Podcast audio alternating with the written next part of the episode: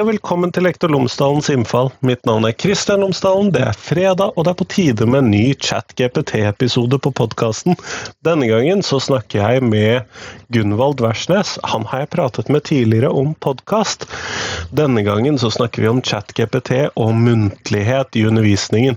Vi snakker også om forholdet mellom muntlighet og skriftlighet, og det tror jeg kan være en viktig faktor når vi skal se på ChatGPT og hvordan det påvirker norsk skole. Dette er en del av serien min om ChatGPT, hvor jeg da skal se på ulike sider ved dette fenomenet, dette verktøyet, dette et eller annet inn i skolevesenet. Så får vi se, kanskje jeg til slutt klarer å mase meg til et intervju med kunnskapsministeren om temaet. Det oppdager vi. Det tror jeg ikke jeg skal uh, ta for gitt at jeg får til. Podkasten er som alltid sponset av Fagbokforlaget, og Fagbokforlaget utgir bøker og digitale læremidler for hele utdanningsløpet, fra barnehage til profesjonsstudier og høyere utdanning, samt norsk for minoritetsspråklige. Og De siste årene har det kommet ut en rekke spennende titler til lærerutdanningen, og en av disse heter Profesjonell muntlighet. Og I den så er det mulig at man lærer at man ikke skal sitte i sovekupeen på Bergensbanen og spille inn lyd, når man egentlig er litt forkjølet og ikke helt har kondisen til å gjøre dette. Men dette er en bok om stemmebruk, retorikk, diksjon, og den er skrevet for alle som lever av å snakke, f.eks. podkaster og lærere. Men fagbokforlaget kommer stadig ut med nye læremidler. så følg med på fagbokforlaget.no. Men nå, nå får du ha på nytt, vær så god.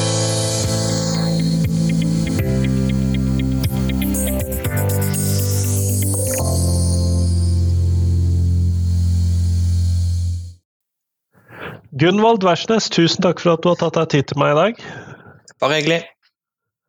Før vi kommer sånn ordentlig i gang med dette intervjuet, så hadde jeg håpet at du kunne fortelle lytterne mine tre ting om deg selv, denne gangen også.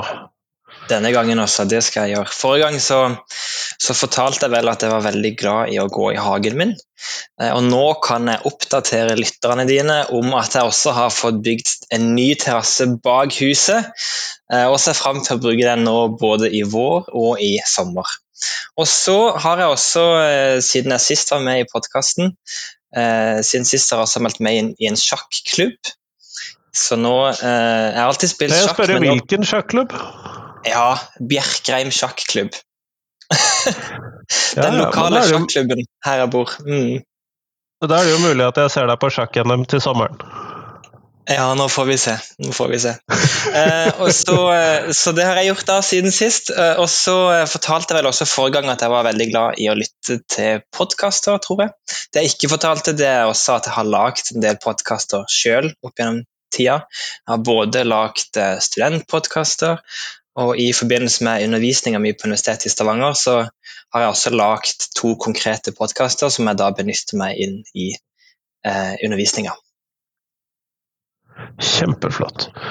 Tusen takk. Eh, i dag skal vi snakke om ChatGPT som en del av min serie om nettopp det fenomenet. Og hvilke tanker har du gjort deg etter at du, eller alle vi, oppdaget dette fenomenet, produktet, verktøyet, hva vi skal kalle det?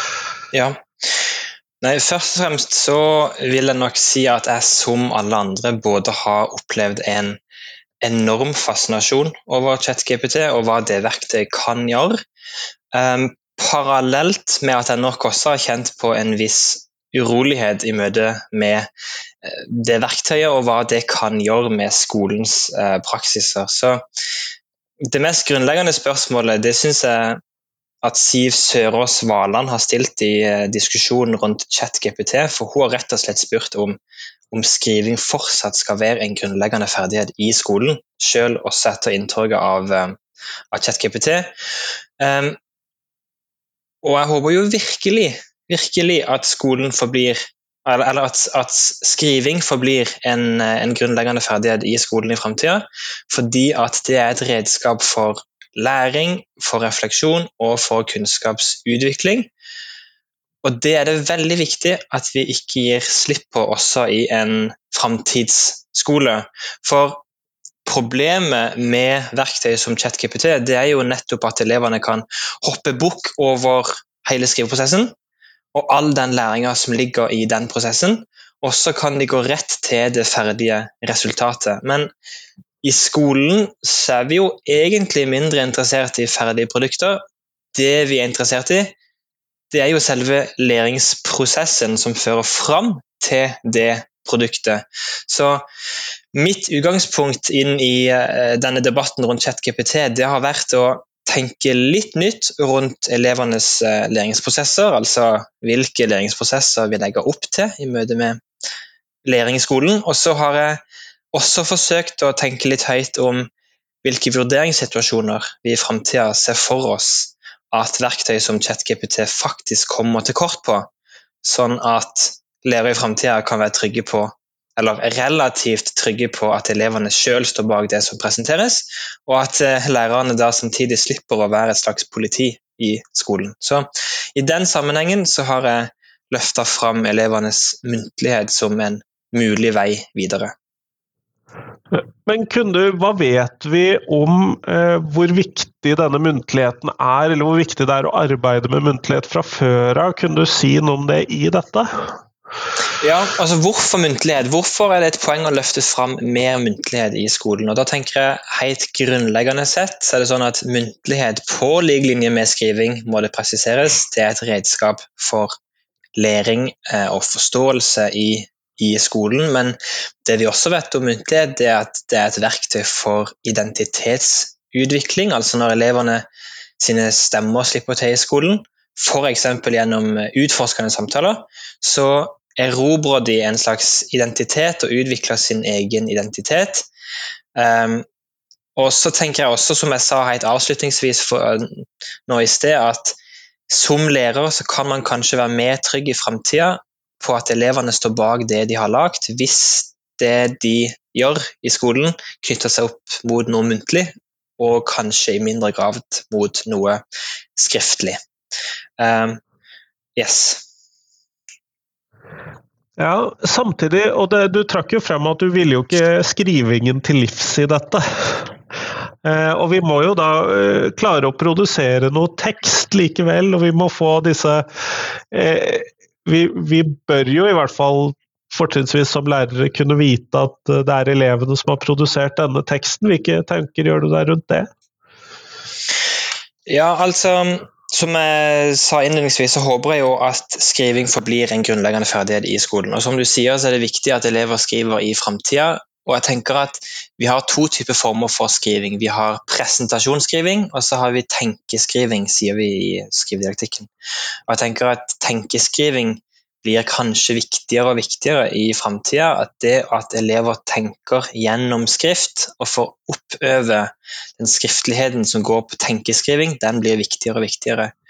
Når det kommer til dette med, med skriving som presentasjon, altså det å ha innleveringer og, og, sånne ting, så er det et veldig stort spørsmål som er veldig vanskelig å på en måte besvare, tenker jeg. Altså, vi, det finnes jo sånne detektorer på markedet som avslører om elever har brukt ChatGPT, men de er vel foreløpig ikke så gode at de avslører alt, og så løper de gjerne etter den teknologiske utviklinga. Så hvis ChatGPT utvikler seg først, så går det gjerne et halvt år før det kommer en detektor på den nyeste versjonen av ChatGPT. Sånn at um, Jeg syns det er vanskelig å på en måte jeg tror vi trenger en nasjonal debatt som går på, på dette med skriving, og hvordan vi vektlegger skriving i framtida, og i hvor stor grad elever i framtida skal, skal eh, levere inn ting skriftlig til læreren, eh, holdt på å si som hjemmeinnleveringer. For Da er det kanskje en sånn overhengende fare om at mange elever vil benytte seg av ChatGPT.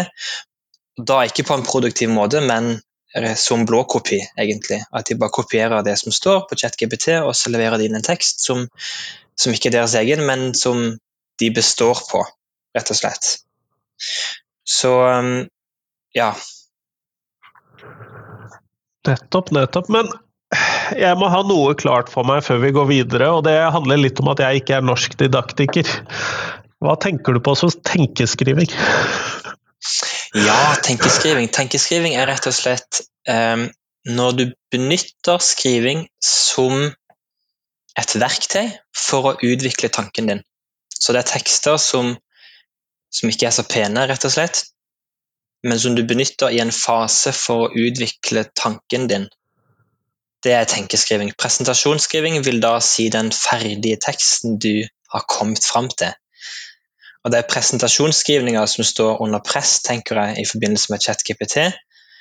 Fordi at, som jeg fortalte innledningsvis, elevene kan jo hoppe bukk over tenkeskrivninga egentlig, og gå rett til presentasjonsskrivninger. De får et ferdig resultat i ChatGPT. Og da, da um, mister vi den læringa som ligger i tenkeskrivinga i skolen. Nettopp, nettopp. Eh, sånn at det er den typen skriving du tenker på, ja. Men hvis vi da skulle La oss si det sånn, dette ville jo gitt en veldig annerledes hverdag, det du beskriver i skolen. Den, med et så stort fokus på muntlighet, med tanke på at skriftlig er jo det som har vært i fokus i norsk skole siden norsk skole ble startet opp. Ja. Um, men, men, som jeg sa innledningsvis, så håper jeg jo ikke at skriving forsvinner. Så la oss bare holde fast ved det at det at jeg tok til orde til mer muntlighet i skolen, betyr jo ikke at jeg tar til orde for at skriving ikke skal være en del av skolen. Fordi at, eh, som jeg også sa innledningsvis, så er skriving pluss læring veldig eh, sant, holdt på å si. Sånn at um, selv om jeg har tatt til orde for mer muntlighet i skolen, så, så, sier jeg samtidig at vi må holde fast på skriving. Vi må holde fast på det som på en måte har formet demokratiet vårt, og som du sier, skolens utvikling eh, de siste årene, de siste hundre årene. Skriving har stått veldig sentralt. Men grunnen til at jeg har tatt til orde for mer muntlighet, det har også sammenheng med det vi vet om muntlighet i skolen. Jeg sa at Hvorfor var det viktig å jobbe med muntlighet? Jo, fordi det er sammenheng mellom muntlighet og læring. Men det verktøyet muntlighet som verktøy blir ikke alltid benytta i skolen. De tendensene vi ser til det muntlige i skolen, det går gjerne på at læreren snakker mest, og eleven snakker minst. Eh, sånn at og, og, det vi også har sett knytta til det muntlige i skolen, det er at det gjerne ikke blir prioritet det er, ikke, det er ikke, en prioritet i skolen å jobbe med, med muntlige ferdigheter. Eh, lærerne har gjerne, gjerne, lave forventninger til elevene hva gjelder muntlighet. Eh, det, arbeides, det, arbeides, mindre systematisk med muntlighet enn med skriftlighet. Eh, og det er også en del forskning nasjonalt som sier at muntlighet har vært forbundet egentlig med framføringer. At muntlighet har vært ensbetydende med framføringer i skolen. Um, og så tror jeg kanskje ikke at disse fire tendensene her gjelder for alle skoler. Jeg tror at det finnes lærere der ute som driver med god muntlig didaktisk opplæring i skolene sine, men disse fire tendensene fant vi også i Norge. I, i um, F.eks. i klasseromstudiene til LISA-prosjektet ved Universitetet i Oslo. Der de besøkte matematikk- og norsktimer i 47 ulike skoler i Norge. Da fant de disse tendensene som jeg nå nettopp uh, løfta fram. Sånn at jeg mener nok på at det er en vei å gå for en del lærere hva gjelder å utvikle elevenes muntlighet, sånn at de får et metaspråk på dette med muntlighet i skolen. Ja, hvorfor tenker du at det ville ha en uh, effekt? Eller hvorfor vil det være positivt, det er vel kanskje et bedre spørsmål? ja, hvorfor det vil være positivt? Ja, jeg tenker at um, og nå sier jeg hvis. Hvis det er sånn at ChatGPT gjør det vanskelig å drive eh, med presentasjonsskriving i skolen, så trenger vi kanskje å løfte fram det andre verktøyet som vi også kjenner til som, som fremmer læring, og da tenker jeg på muntlighet. Um, og det er mange lærere som forteller meg at sant vel, jo, i mine timer så har vi masse muntlighet. Og det er for så vidt sant det at de har mye muntlighet i undervisninga si, men det betyr ikke at de driver med undervisning i muntlighet. Det er en forskjell på, til, eh, på de to. Det begrepsparet fra han Mats Haugsted i Danmark er ganske interessant. Altså muntlighet i undervisning versus undervisning i muntlighet. Og det vi vet knytta til undervisning i muntlighet, det er at en da utvikler elevenes forståelse for metaspråk, fagtermer. De får en, en uh, Uh, og alle disse på en måte, ferdighetene er det viktig at elevene blir bevisst på. Og Det er også veldig, veldig, viktig å ta med seg inn i et kommende arbeidsliv. At elevene har en, en slags metaforståelse for hva er god kommunikasjon egentlig. Hvordan kan jeg eh, framføre et budskap på en effektiv, eh, på en effektiv måte? Sånn at det jeg nok tar til orde for, det er kanskje mer, mer metaundervisning til muntlighet, eller i muntlighet, og dialogiske klasseromsfellesskap, egentlig. Ser du noen fordeler ved ChatGPT sin trend i norsk skole? Ja, absolutt. Jeg tror jo, eh, Som jeg skrev i det innlegget mitt i Utdanningsnytt, så tror jeg jo ikke at det er et poeng at vi eh, forbyr ChatGPT den diskusjonen som har vært nå, har vært veldig prega av sånne ytterpunkter. Enten så er man veldig for, eller så er man veldig imot ChatGPT. Og jeg tror ikke det er så veldig formålstjenlig i en diskusjon rundt et verktøy som vi nok uansett må lære oss å leve side om side med i framtida. Um, så jeg tenker at elever f.eks. kan øve på kildekritikk ved via ChatGPT at de kan eh, be ChatGPT om å skrive en tekst, og så kan de på et vis avsløre uh, chatboten i etterkant. Ok, Hva gjorde chatboten feil, og osv. Så, videre. så det tenker jeg eh, på. Og så tenker jeg også at um, ChatGPT uh, kan, kan modellere tekst for elever. Uh, Kirsti Klette ved Universitetet i Oslo har sagt at vi i norsk skole ikke er så gode til å drive med modellering. Uh, jeg tenker at ChatKPT kan være med på å modellere f.eks. hva vil det si å skrive en innledning til et essay eller til en fagartikkel osv. Um, og på den måten være med å på en måte vise de konkrete teksteksempler. Sånn at jeg har jo Jeg tror at vi går baklengs inn i framtida hvis vi forbyr ChatGPT. Eh, fordi at ChatKPT kan løfte fram også en del læringsprosesser og oppøve som jeg sa, f.eks. til kildekritikk. Jeg, må jo, jeg tror jo eller jeg skal begynne setningen min på en annen måte. Jeg mistenker at du som meg har sittet en stund og så lekt deg med ChatGPT og prøvd kanskje også å få den til å så Jeg er litt usikker på om du har brukt den på ditt eget fag eller ikke, men det har i hvert fall jeg. Ja. Jeg har prøvd å få den til å besvare spørsmål og forklare min, eh, mitt fagområde. Og mitt fagområde er omtrentlig så stort, og for de som ikke ser vår samtale, så holder jeg to fingre veldig tett sammen. Mitt mm. fagområde er superspesifikt. Eh, og den klarer å gi relativt grei forståelse av dette fenomenet. Eh, hvordan har dine erfaringer vært med den typen leking? Eh, jo, egentlig nokså samme erfaring. Altså også på mitt forskningsfelt, eh, elevproduksjon av podkaster, så kjenner han til litt sånn forskning på, på feltet og kan gi gode begrunnelser for hvorfor elever skal lage podkaster i skolen og sånt. Men det, det en også ser, det er at det språket som presenteres, gjerne er litt arkaisk, vil jeg kalt det for. Sånn at um, jeg har en far som jobber i skolen, og og jeg får oversendt litt tekst fra han av og til, hvor, hvor, han sier her har en elev sendt inn en tekst, og jeg er ganske sikker på at dette er ChatGPT, for se på dette språket. Det er veldig hakkete på et vis, det er litt arkaisk, og så er det gjerne veldig repeterende. At det er de samme verbene som går igjen, og det er de samme adjektivene som går igjen. Um, sånn at Selv om sant vel, du også har opplevd at han, han, han, er, fascinerende flink til å på en måte generere ny kunnskap, men samtidig så så har han også en del mangler, vil jeg påstå. Jeg vet ikke om du kjenner deg igjen i det? Jo da, og det gjør jeg, og den er veldig amerikanisert i svarene. Og den hadde et uh, urovekkende høyt fokus på Grunnloven mer enn uh, opplæringsloven, som ville vært ja. hovedfokus i Norge. på mitt fagfelt. Mm. Eh, sånn at Der ligger det noen sånne tendenser. Men det er jo interessant det du sier om at den er så repeterende. og Det vil jo kunne bety at elevene vil kunne lære seg å bruke hva skal vi kalle generere tekst, og så forandre på tekst. Men det krever jo ganske stor tekstforståelse for å kunne luke ut disse feilene. da.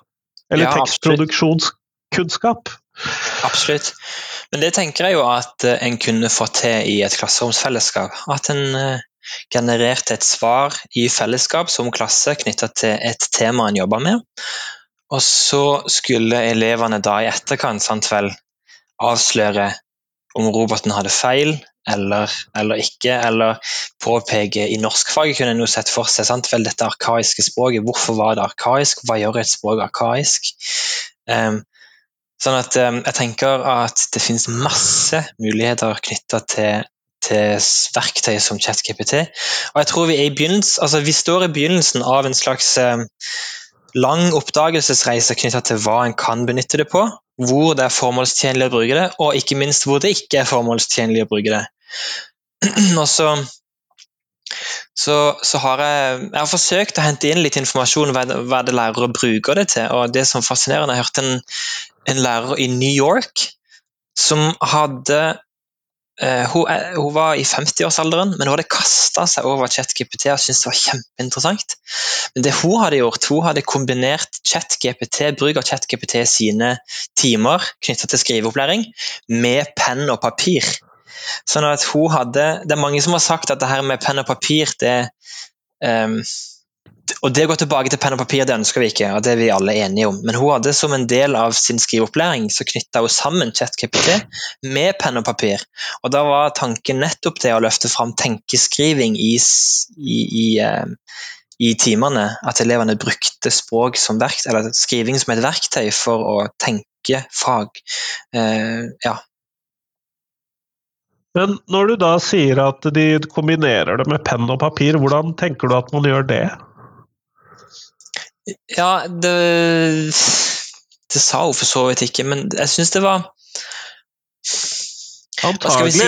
Jeg, jeg, jeg mistenker jo at det da innebærer at du da får ut teksten som ChatGTP har skrevet, og får den printet ut, og så gjør man endringer på eh, med penn og papir eller den type ting. Men det, er bare en Ja. gjetning fra min side. Ja, det, her, det blir gjetting fra min side også, for det sa hun faktisk ikke. Men det en kunne sett for seg, det var Si at en skal skrive en fagartikkel i norskfaget. Ok? Så vises det først hvordan en fagartikkel blir skrevet av ChatGPT. En introduksjon til en fagartikkel blir presentert for klassen via ChatGPT. Og i etterkant så kunne en jo da sett for seg at elevene sjøl innenfor et nytt tema skulle skrive en innledning til, et, til en fagartikkel. Og Hvis læreren var da så redd for at elevene med bruk av datamaskin ville brukt ChatKPT også i andre omgang, så kunne læreren sagt ok, nå lukker vi ned datamaskinene. Så skal dere få utlevert penn og papir, og så bruker vi nå fem minutter til, skrive, til at jeg skriver en innledning, et forsøk på en innledning. Og så Etterpå kan klassen gå tilbake igjen, søke på eller be ChatGPT skrive en innledning innenfor det nye temaet, og så kan du sammenligne. Ok, Hva gjorde ChatGPT, og hva gjorde vi sjøl i våre egne eh, introduksjoner? Jeg syns det var litt interessant at du sa det at vi ønsker selvfølgelig ikke å gå tilbake til penn og papir, men for det har jo vært relativt mange som har argumentert med at nå må vi tilbake til penn og papir. Nå mistenker jeg at mange av de som har sagt det, har vært de som har sagt det om det aller meste av digital utvikling i skolen, og at dette blir en mulighet for å fremme det, og at man føler at man har et bedre argument for å fremme det. Men hvilke tanker gjør du deg om det at noen nå tar til orde for at man skal gå bare tilbake til penn og papir? Ja, det syns jeg Jeg syns det argumentet er ganske håpløst. Jeg synes Da er du veldig deterministisk. Altså, vi har hatt masse masse gleder av eh, tekstbehandlingsprogram som Word, f.eks. Den støtten som Word gir inn i skriveopplæringa, er jo uvurderlig. Sånn at det å se for seg at vi går tilbake igjen til penn og papir, også på universitetsnivå, det, det, tror, jeg, det tror jeg er veldig eh, ja, det har jeg ingenting tro på. Jeg tror at vi må, vi må klare å leve side om side med teknologier som ChatGPT. Eh, vi gjør det, det, det, tenker jeg, det må vi finne vi, vi, vi, må gjøre oss noen erfaringer som nå tenker jeg innenfor skolen som profesjonsfellesskap. Og Så må vi dele de erfaringene, og så trenger vi forskning som, som knytter sammen kunstig intelligens og skolske praksiser. Og så må vi i lag finne ut av hvordan vi forholder oss til den teknologien. Men det finner vi ikke ut av hvis vi ender opp med å si nei, vi forbyr ChatGPT. For da vil vi også gå glipp av ok, det var enkelt å på en måte bare kutte den greina med en gang, men vi går også glipp av eventuelle lærings, det læringspotensialet som ligger i ChatGPT. Og jeg tenker I et framtidsmarked, altså kunstig intelligens har kommet for å bli. Når elevene våre skal ut etterpå i arbeidsmarkedet, så må jo de ha lært seg å bruke disse verktøyene i, i arbeidslivet. Det er jo ingen arbeidsgivere som er interessert i at du bruker to timer på en arbeidsoppgave som ChatGPT kan utføre på to minutter. Sånn at vi må lære oss å leve side om side med det. Vi bør ikke gå tilbake igjen. Det ville vært eh, unaturlig å gå tilbake igjen til penn og papir. Men, men, jeg skjønner på en måte den intuitive begrunnelsen for det, for en frykter mer enn en tenker at det finnes et potensial i ChatGPT. Hvordan tenker du, for Vi to jobber jo begge to i lærerutdanningen. Ja. Eh, har du gjort deg noen tanker om hvordan dette påvirker oss i vår arbeidshverdag, og det vi skal gjøre med disse kommende lærerne, eller ligger det mer på det samme sporet som det du har snakket om for skolen generelt? Har du gjort deg noen andre tanker om lærerutdanningen heller enn mm. um, Ja, for så vidt. Um, jeg tenker at lærere blir altså Lærerens rolle blir viktigere og viktigere i skolen. Um, og det er noe de her uh, rammeverkene for digital bruk i skolen har vist oss, er det at ledelse av læringsprosesser, som det heter, blir bare viktigere og viktigere. Um, det å lede digitale læringsprosesser. Um, fordi at i et kunnskapssamfunn som Norge så har vi utrolig mye tilgang. Altså vi, har, vi har tilgang til nær sagt hva som helst av informasjon. Elever som syns det er vanskelig å se sammenheng mellom de ulike informasjonsbitene, de trenger å støtte seg på en lærer som guider elevene inn i f.eks. et fagfelt. Så Rent faglig så trenger vi en lærer som står støtt i klasserommet, og så tenker jeg også at Vi har en hel del forskning som sier at digital teknologi pluss eh, forstyrrelser er lik sant. Sånn at Vi trenger å gi lærerutdanningene å snakke med kommende lærere om hvordan inkluderer du digital teknologi i ditt klasserom. For er det noe kanskje ingen av oss har tro på, så er det sånn at det å kaste digitale verktøy inn i et klasserom, at det skal føre til læring, det tror jeg nok veldig få av oss tror. Du må på en måte koble digitale verktøy og en didaktisk tydelig tanke sammen for at det skal fungere. Da kan en få liksom, læringseffekt. Så en kan se for seg at lærerutdanningene må bli mer På ett vis må de løfte mer må de løfte fram prosedyrekunnskap. Hvordan forholder vi oss helt konkret, altså, til ulike verktøy, f.eks. ChatGPT, eh, for at de skal kunne stå rigga i møte med det klasserommet som treffer dem den dagen de står og skal undervise. Og Det tror jeg kan bli desto mer krevende Eller det vil si, det er jo alltid vært en krevende oppgave, for vi utdanner de jo til et klasserom som ennå ikke eksisterer. Det er jo noen år til alltid de skal ut, og vi vet jo ikke hvordan skolen forandrer seg i løpet av de fem neste årene, og ti neste årene, og 30 mm. neste årene. Så jeg, tenker at, jeg tenker at skolen befinner seg i en sånn slags overgangsfase mellom en kjent fortidsskole og en veldig ukjent framtidsskole. Og De som da hevder at de bør gå tilbake igjen til penn og papir, de begrunner jo det med at det fungerte i den kjente fortidsskolen. Sånn at Lærerutdanninga står midt imellom den kjente fortidsskolen og den ukjente framtidsskolen. Og så tenker jeg, Nå løfter jeg fram prosedyrekunnskap, knytta til konkrete verktøy, at, eh, at, vi har kanskje et ansvar for å løfte fram visse digitale praksiser som vi har forskningsbelegg for å hevde fungerer. Men jeg tror jo ikke at, at lærerutdanningene kan på en måte tenke prosedyrkunnskap hele veien. For det kommer nye prosedyrer, det kommer nye verktøy, og den utviklingen går så fort at det å se for seg at en skal på en måte hele veien løpe etter denne digitale utviklinga som lærerutdanning, det tror jeg heller ikke er et fornuftig, um, fornuftig grep. Men til en viss grad å utvikle prosedyrekunnskap blant kommende lærere, det tror jeg nok er sunt. Kjempeflott, Gunvald. Vi går mot slutten av dette intervjuet, og da skal jeg stille deg det spørsmålet som jeg stiller alle jeg intervjuer for tiden. Hvilken lærer har gjort størst inntrykk på deg, og hvorfor det? Da vil jeg egentlig trekke fram eh, to lærere. Den første læreren det som jeg vil trekke fram, hun heter Wenche. Hun var min aller første lærer. og når jeg tenker tilbake på Wenche, så ser jeg egentlig for meg ei mor. Ei mor i skolen. Eh, og litt tilbake til det vi har snakket om i denne samtalen. Hva skal forholdet i framtida være med, mellom skriving og muntlighet? Og så har jeg argumentert for at vi bør kanskje tenke mer muntlighet i skolen parallelt med at en tar vare på god skriveopplæring. Wenche hun så elevene sitt, hun var lærer i første klasse, jeg må presisere det. Hun så alle elevene. Og hun ble min brevvenn i første klasse. Hun ga meg ei bok, og så sa hun Hei, Gunvald, nå skal vi bli brevvenner.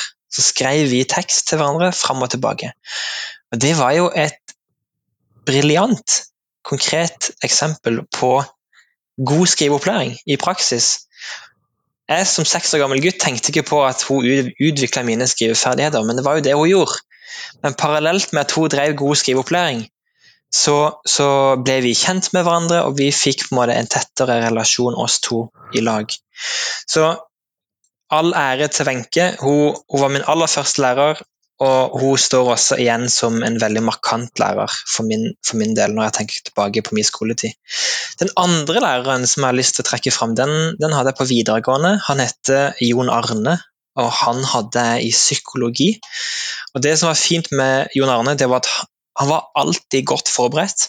Han var en veldig tydelig lærer, og han stilte på en måte høye forventninger til oss som elever. Men det som var fint med Arne, det var det at han var en veldig dialogisk orientert lærer. Han eh, hadde Jeg vil jo nesten påstå at han hadde sokratiske seminarer eh, en gang i uka i, i psykologien. Um, han var flink til å stille åpne spørsmål. Han var flink til å stille utforskende spørsmål, eh, der han heller ikke hadde et svar som lærer. Um, og hans undervisningspraksis har jeg sjøl forsøkt å ta med meg inn i min egen undervisning. Det å, være, det å kombinere på et vis høyt faglig trykk med dialogbaserte undervisningssekvenser. Så tusen takk til Jon Arne og til Wenche, som sto på et litt ulike tidspunkt i min eh, grunnskolelærer Eller i min skolegang. Men begge to står for meg igjen som to flinke, dyktige lærere. Kjempeflott. Tusen takk for at du tok deg tid til meg i dag, Gunvald. Takk for invitasjonen.